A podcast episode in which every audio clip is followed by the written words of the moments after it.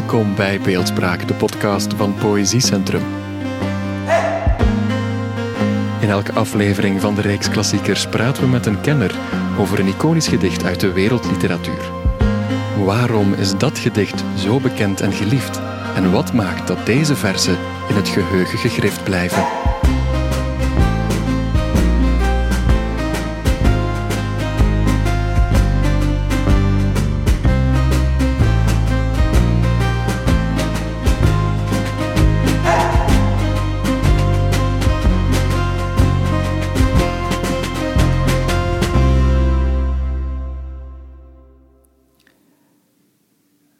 Verlange radeloos en sonder einde.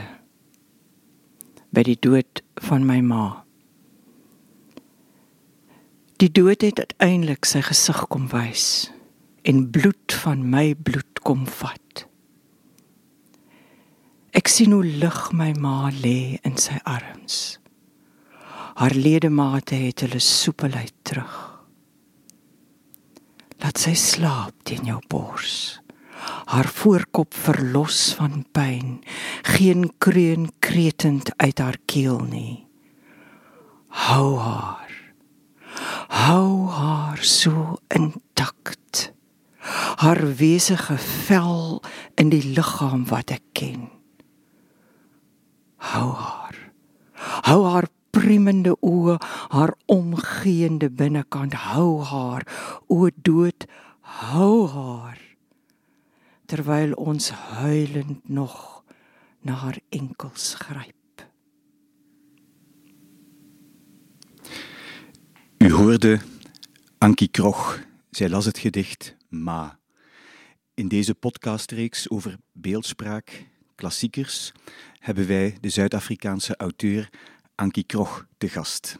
Zij is niet alleen een literair auteur, zij is ook vertaler en buitengewoon hoogleraar, verbonden aan de Universiteit van West-Kaapland, UWK. Ze is de eerste literaire gastschrijver van de Universiteit Gent. De betrokkenheid van een internationaal gerenommeerd schrijver bij academisch onderwijs en wetenschappelijk onderzoek past in een ambitieus cultuurplan van de UGent. De rol van literatuur in het gesprek tussen collega's en wetenschapsdisciplines is fundamenteel. En ook Ankie Krog denkt daar zo over, zoals is gebleken uit haar inaugurele reden. Met de schrijversresidentie bezorgt de UGent literatuur de prominente plaats die zij aan een wetenschappelijke instelling voor docenten en studenten toekomt. De aanstelling van de Writer in Residence is een cultureel initiatief dat aan buitenlandse universiteiten al langer ingang heeft gevonden en op veel publieke belangstelling kan rekenen. Gastschrijvers worden beschouwd als creatieve inspiratiebron en een baken voor kritische reflectie. Het verschil met andere universiteiten in de Lage Landen is dat de Universiteit Gent voor een internationaal bekend literair auteur opteert. Een auteur die door Remco Kampert als Nobelprijswaardig is beschouwd en inderdaad al jarenlang wordt getipt voor die hoge literaire onderscheiding. Daarnaast geeft de aanstelling van een bekend schrijver, die in Gent naast optredens aan haar schrijfprojecten werkt, cultureel en intellectueel renommee aan een universiteit. Onderzoekers, docenten, studenten kunnen zich in de breedste zin van het woord laven en ongeacht het vakgebied zich laten inspireren aan de bronnen die de gastauteur in gesprekken aanboort. Van harte welkom, Ankie Krog. Dit is een voorrecht om jou hier in Gent te gast te hebben. Baie dankie Yves, maar dit is nou so 'n uh,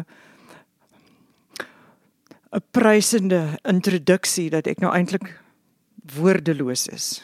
Ja, maar jouw woorden staan natuurlijk in jouw vele bundels en in jouw vele publicaties. En wij voeren een gesprek over uh, jouw poëzie. De meest recente bundel is Broze Aarde, in het Nederlands uh, vertaald. Een heel bijzondere bundel. Jij las zo net het gedicht Ma, Misschien moeten we naar aanleiding van het gedicht dat je zo net las, een uh, kort gesprek voeren over uh, dit gedicht.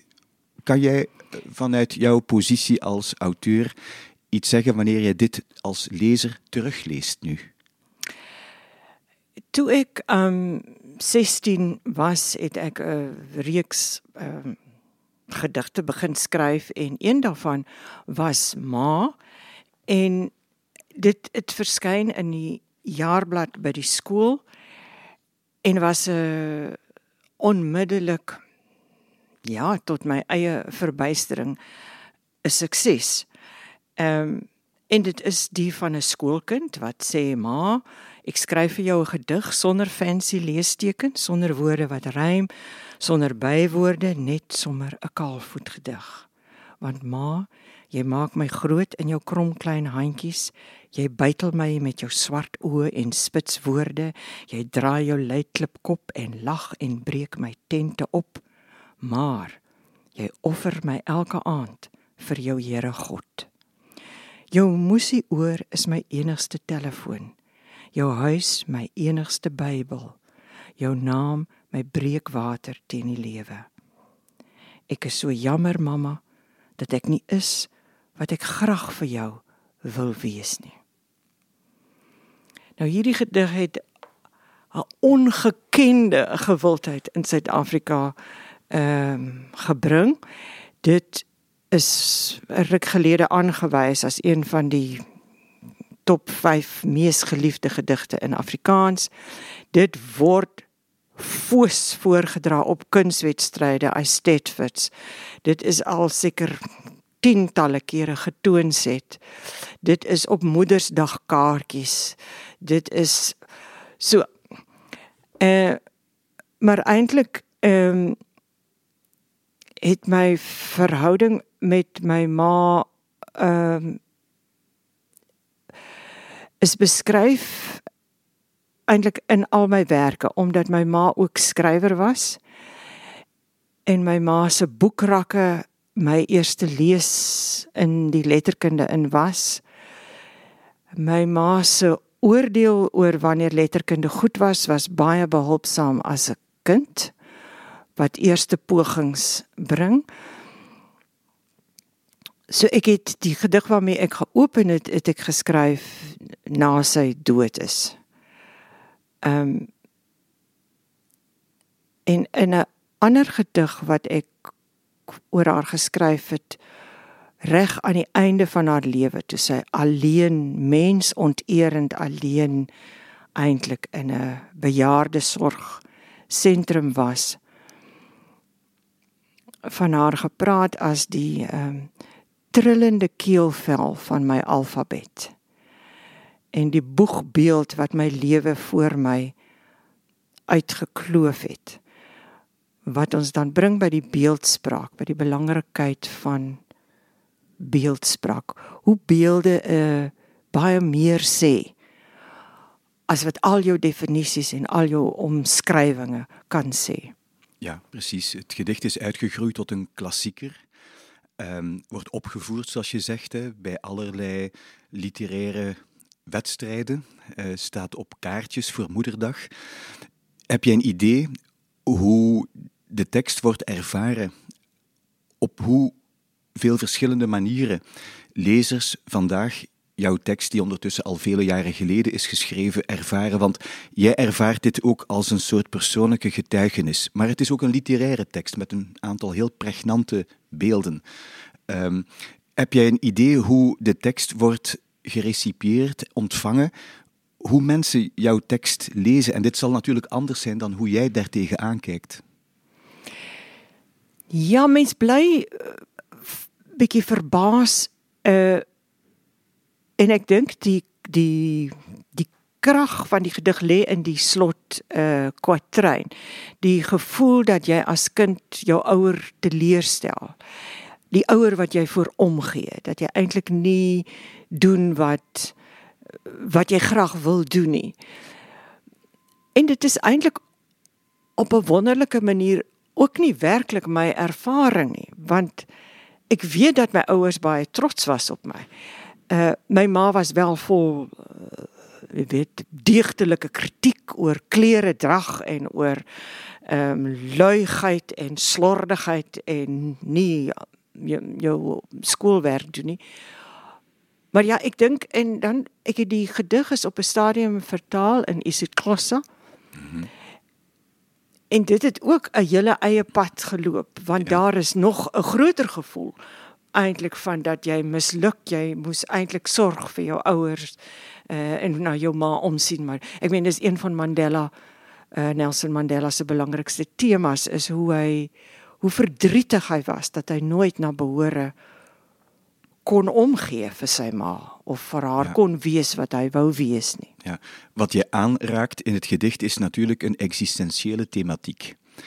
En afhankelijk van de culturele, etnische achtergrond, zoals jij zegt, ervaart men de tekst anders. Ook omdat het moederschap in verschillende culturen ook een andere dimensie heeft. Vind jij het een tekortkoming dat in Zuid-Afrika, waar je de meertaligheid hebt, die cultureel-etnische diversiteit, dat uh, poëzie met name toch niet zo veel vertaald wordt in al die talen die beschikbaar zijn. Dat een aantal van die talen nauwelijks of niet een publiek forum krijgen. Ja, ek vind dit verskriklik. Ek elke keer veral as ek uh, in Nederlandstalige dele kom, is ek so verruk oor die magdom van vertaling. En dat ek as ek hier kom, gaan die hele Oos-Europa vir my oop. Die hele uh Suid-Amerika gaan vir my oop via die Nederlandse taal. En dit is tog so 'n 'n 'n toegang wat jy kry aan die een kant en dan aan die ander kant word die digters wat skryf in Nederland vertaal in ander tale, in Engels, in Chinees. Terwyl in Suid-Afrika is jou taal 'n koelde sak, 'n doodloopstraat. Mm -hmm. Ek kan net praat met ander Afrikaanssprekendes. En eintlik met die Afrikaanssprekendes wat 'n Afrikaans praat soos ek, naamlik die standaard Afrikaans. As jy in isiZulu skryf of in Sesotho, niemand weet van jou nie met ander woorde almal probeer in Engels teregkom. En dis nie een van ons se keelvelle nie. Mhm. Dis nie een van ons se se harttaal nie. En ons ken maar almal net 20 woorde in Engels. So jy wil 'n hele lewensbestaan uitdruk in 20 woorde. Ja, dus je krijgt een soort linguïstische versmalling als jij dan opteert voor Engels Um, hoewel het dus niet de eerste taal is van nogal wat uh, schrijvers, ook in Zuid-Afrika. Het is een tekortkoming omdat op literaire festivals, waar ik zelf ook al te gast was, ofwel in Afrikaans of Engels wordt gesproken, terwijl daar zo'n rijke cultuur is in al die verschillende talen die in Zuid-Afrika worden gesproken, dat dit uh, een rijkdom zou moeten zijn. En, en, en ik meen, en hier is vertaling 'n kuns, nê? Nee? 'n Vertaling is 'n beroep. Mm -hmm. Dit is iets wat gerespekteer word. By ons kan jy nie 'n lewe maak as 'n vertaler nie.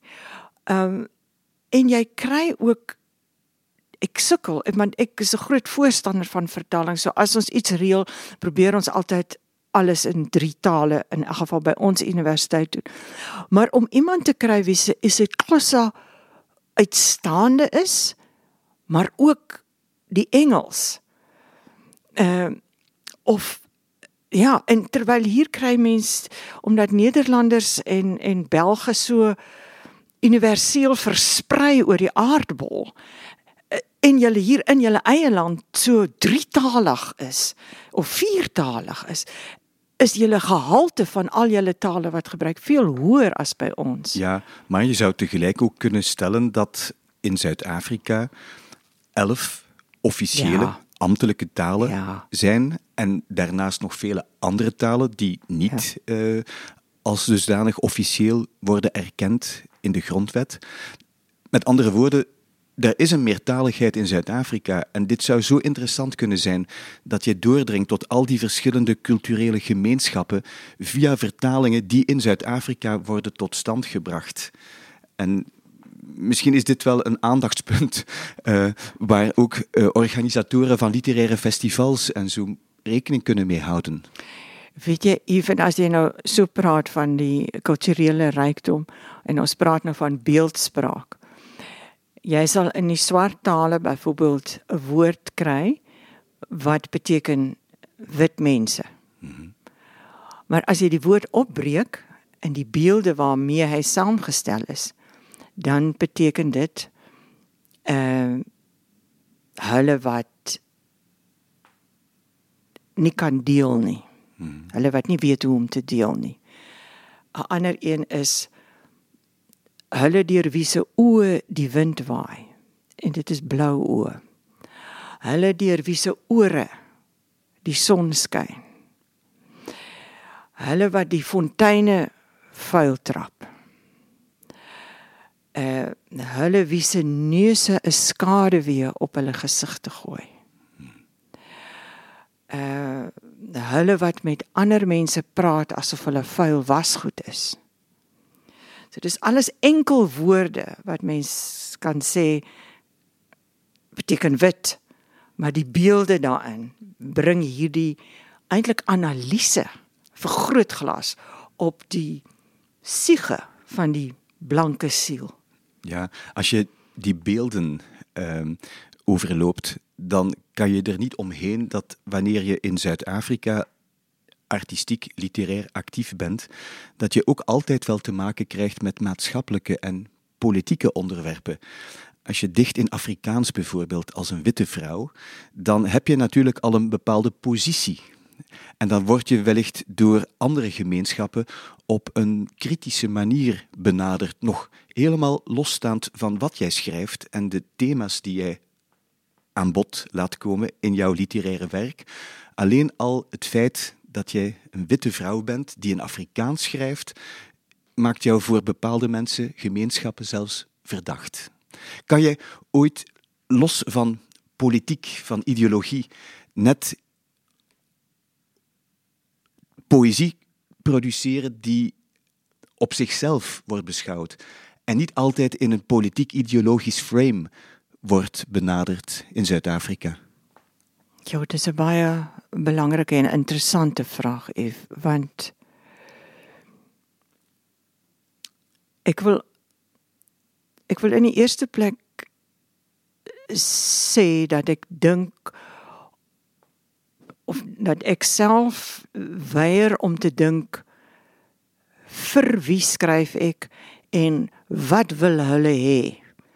Met ander woorde ook die feit dat ek uh, gewild is in Nederlandstalige plekke ek wil nie dink waarom nie want dit affekteer die integriteit dink ek waarmee ek my skryfwerk benader. Maar daarmee saam is die As jy bly in 'n land soos Suid-Afrika dan as 'n wit persoon word jou liggaam, jou vel, jou siege aanhoudend teen gebons, teen gedruk, uh gestamp, geskuif. Wat eintlik 'n voorreg is op 'n manier. Want jy word bewus van bevoordiging jy word bewus van onreg jy word bewus van perspektief.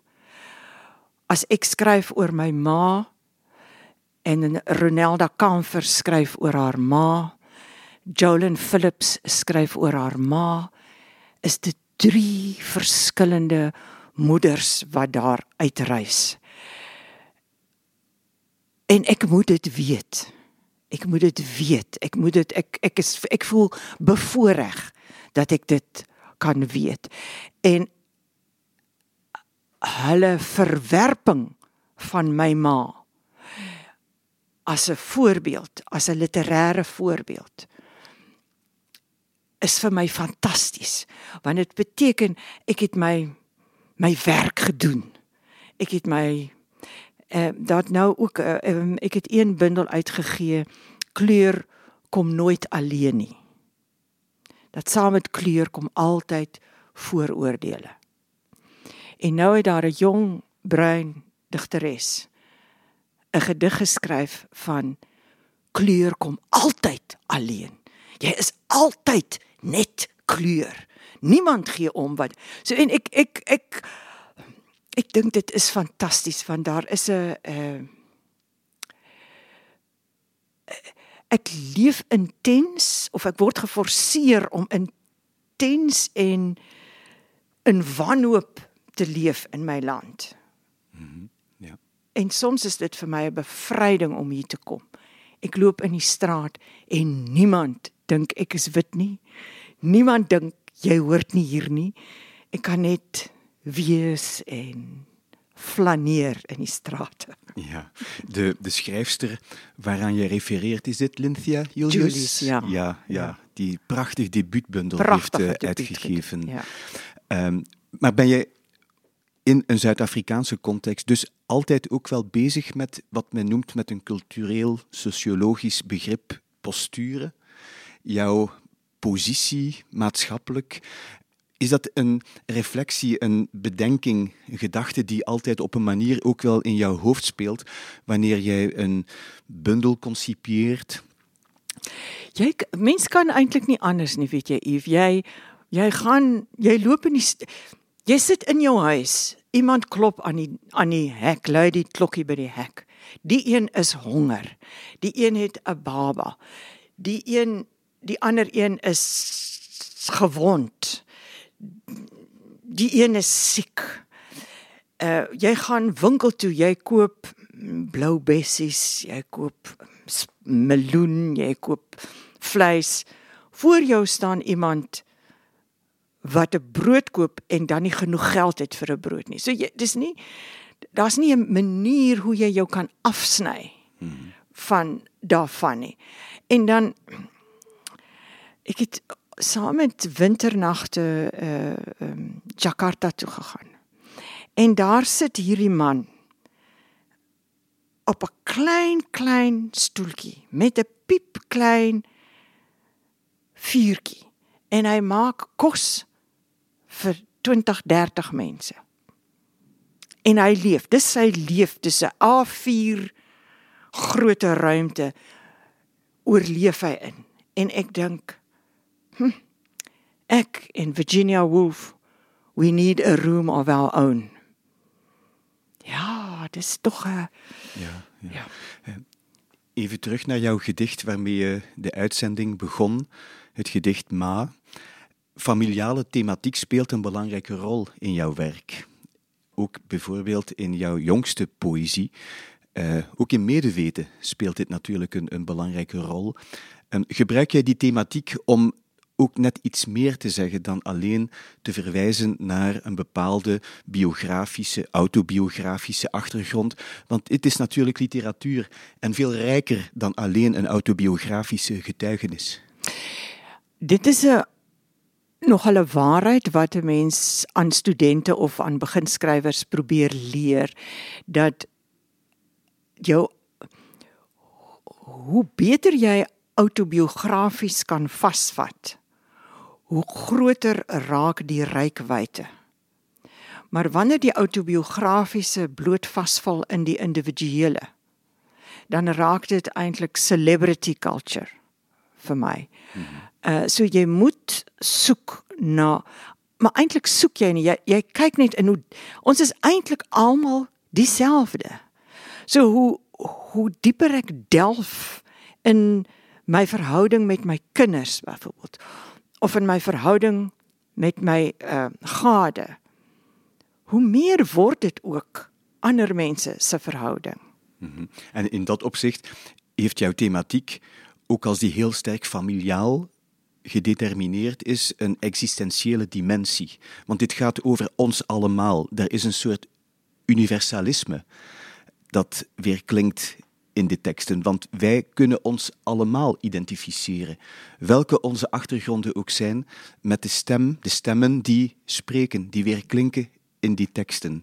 er is een soort polyfonie tegelijk ook aanwezig in, in de gedichten. Dat is niet, niet net één verteller, één stem. Dat is een amalgaam van, van stemmen, een meerstemmigheid die weer klinkt, zoals bijvoorbeeld in Medeweten. Dat is een bundel waarin niet net Ankie Krog praat. Nee, ja. Dat is meer dan Ankie Krog. Maar eh, um, mensen moeten ook onthouden dat sekere thema's uh, is eintlik nooit aangespreek vroeër nie. En soos wat ek ouer word, dan kom jy die leemtes agter. Daar's baie jong digters en baie jong mense wat skryf.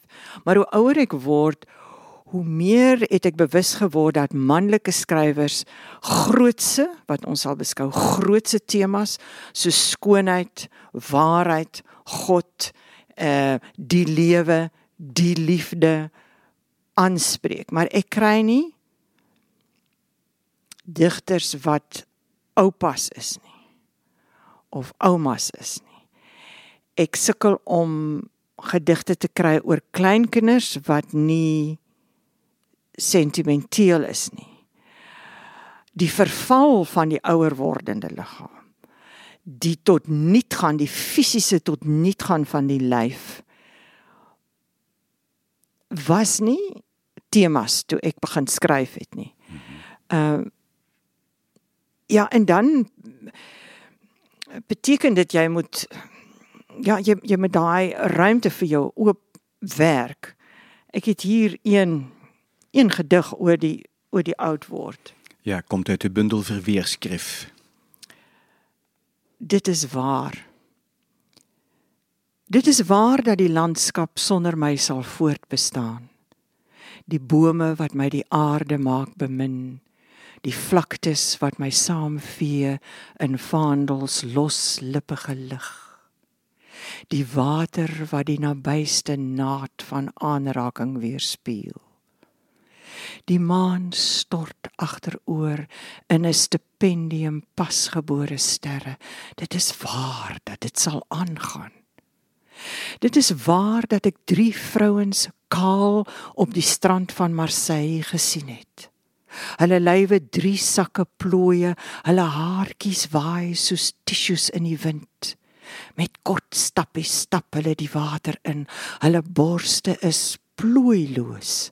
'n strale kraan stoomende uitgereisde borste bloosend tot in die tepels. Dit is waar dat ek my oë daarvan nie kon afhou nie. Dit is waar dat ek in 'n winkelvenster drie soorte weggooi doeke gesien het vir bejaardes en 'n bedpan swamdoders, betseer salwe en iets wat soos 'n aartappelskiller lyk.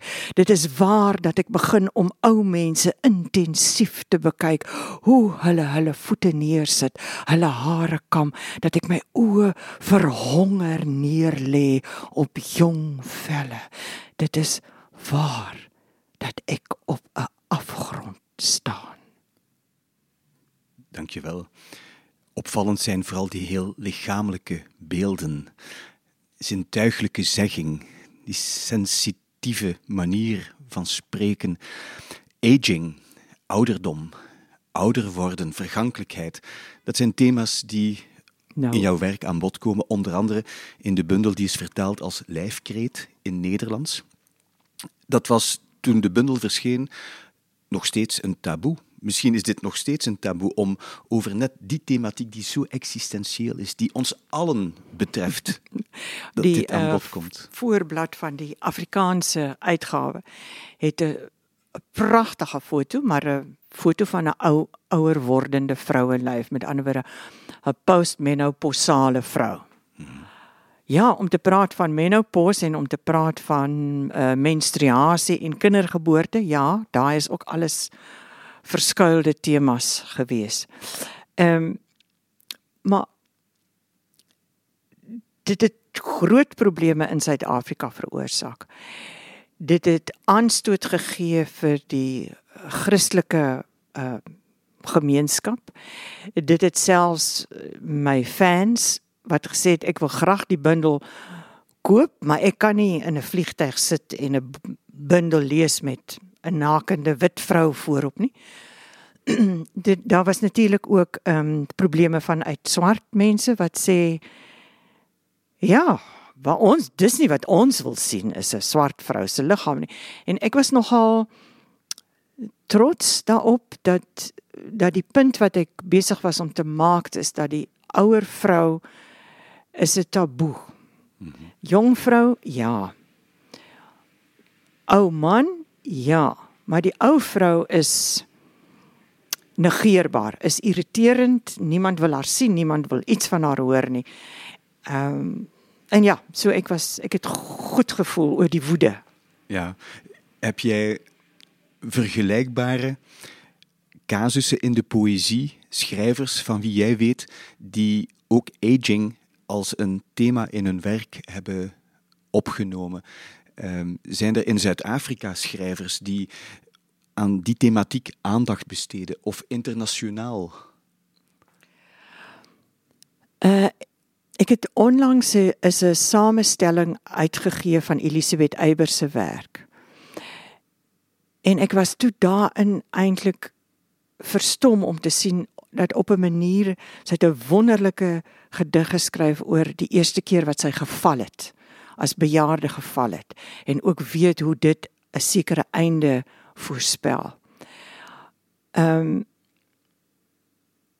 en dan weet ek ook het ek ook agtergekom Olga Kirsch uh wat geëmigreer het Israel toe en daar met 'n Israeli getroud is, het ook een of twee gedigte geskryf van getroud wees vir 'n lang tyd met iemand. En dit is ook iets wat jy selde kry van die ouer wordende liefde. Wat gebeur daar in 'n koppel in 'n in 'n verhouding as hulle mekaar oor jare liefhet? Ehm mm um, ek het uh, die uh vrou wat verlede jaar die Nobelprys gekry het. Ehm um, het het dit gekry ook omdat sy skryf oor die verval van die liggaam. Ek het daarna gekyk, ja. Dis nie vir my kru genoeg nie. Mm -hmm. Dit is baie mooi, nee. Sy skryf baie maar om oud te word is ook gruisam, is ook kru. Ja. Is ook ja, dis pis en skeit en en en en aaklige dinge wat gebeur wat ook wat mens ook wil van lees, nee. Ja, precies. Krog wil cru zijn. Um, ik uh, heb gelezen onder andere in uh, studies over jouw werk dat jij natuurlijk al sinds jouw debuut in 1970, dochter van Jefta, een aantal uh, taboes doorbreekt in Afrikaanse literatuur. Een literatuur die toch lange tijd beheerst is door het mannelijke perspectief. En er is een uh, bloemlezing verschenen in die reeks waar jij net naar verwees, hè, Immigrant van Elisabeth Eybers. Um, de titel is Een vrije vrouw. Dit verwijst denk ik naar jouw bekende, beroemde Paternoster uh, gedicht. Um, je hebt meerdere taboes doorbroken in de Afrikaanse letterkunde men zou zelfs kunnen zeggen, je hebt de écriture féminine geïntroduceerd. Uh, kun jij instemmen met de labeling van jouw werk als dit is ook wel de expressie van een feministisch auteur, die vanuit een heel nadrukkelijk, zelfbewust, vrouwelijk perspectief de dingen beschouwt en niet zoals wij dit al zo lang kennen in Afrikaanse, maar ook in Nederlandse literatuur, waarbij bepaalde thema's louter vanuit een masculin perspectief worden bekeken. Ja, ik, ik, ik zou saamstem, maar wat ik daarbij zal voegen is dat het leidt tot geweldige onzekerheid. Want jij, jij is oorbewus dat dat misschien is dit vir niemand belangrik nie miskien miskien is dit alles tydelike temas. En dit is iets waarmee mens geworstel het jy weet van mense eerste politieke bewussyn af. Het daar 'n groot getal Afrikaner skrywers gesê apartheid is uh tydelik. Die digter hou hom besig met die universele En ek kan onthou dat ek gedink het ehm um, as ek maar een gedig skryf wat een pleister op een seerplek van een persoon kan sit dan is dit vir my genoeg. Ek hoef nie vir ewig te bestaan in die Afrikaner en in die wêreldletterkunde nie. Een gedig wat iemand se perspektief op een moment asem voorgegee het, ruim as perspektief gegee het, is vir my genoeg. Nou dieselfde met die uh feministiese uh werk is ja, miskien So wat ek eintlik wil sê is dat om dit te doen, jy het geen groot skouers om op te staan nie. Jy het geen ehm um, bakens om teen te stry nie. Jy het geen daar's daai stem, kyk hier is my stem nie. Dit is 'n soort van 'n braakveld wat jy ja, maar ploeg. Maar dis heerlik om terug te kyk en ehm um, jong digters woedend te sien. Ja. Ehm um, ja, rebelleer teen jou. Dit is ja.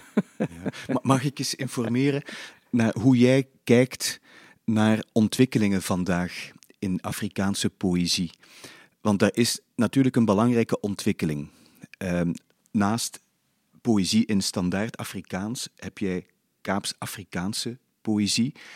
Nathan Trantraal, Ronalda Kamfer, er zijn zo interessante bruinschrijvers. Mm En ik weet, ik mag die term bruinschrijver niet gebruiken, want dit gaat niet over kleur. Dit gaat over wat die mensen als mens in hun taal, in hun taal, naar voren brengen. Jij bent mentor van een aantal van die jonge talenten, schrijvers. Uh, hoe kijk jij naar ontwikkelingen die zich op dit ogenblik manifesteren in Zuid-Afrika op het gebied van de Afrikaanse poëzie? Dit is geweldig interessant. En ek dink dit kry nie genoeg die die die korrekte aandag nie. Want as jy kyk na die Engelse, Suid-Afrikaanse Engelse letterkunde, juis omdat Engels almal se derde, vierde taal is, is die tematiek en die styl in swart Suid-Afrikaanse Engelse letterkunde. Die van eh, middelklas upper working class. Terwyl die stemme wat nou inkom van Kaaps in Afrikaans kom uit die 50 of 80% gebiede van die land en die wêreld wat nooit oorgeskryf word nie.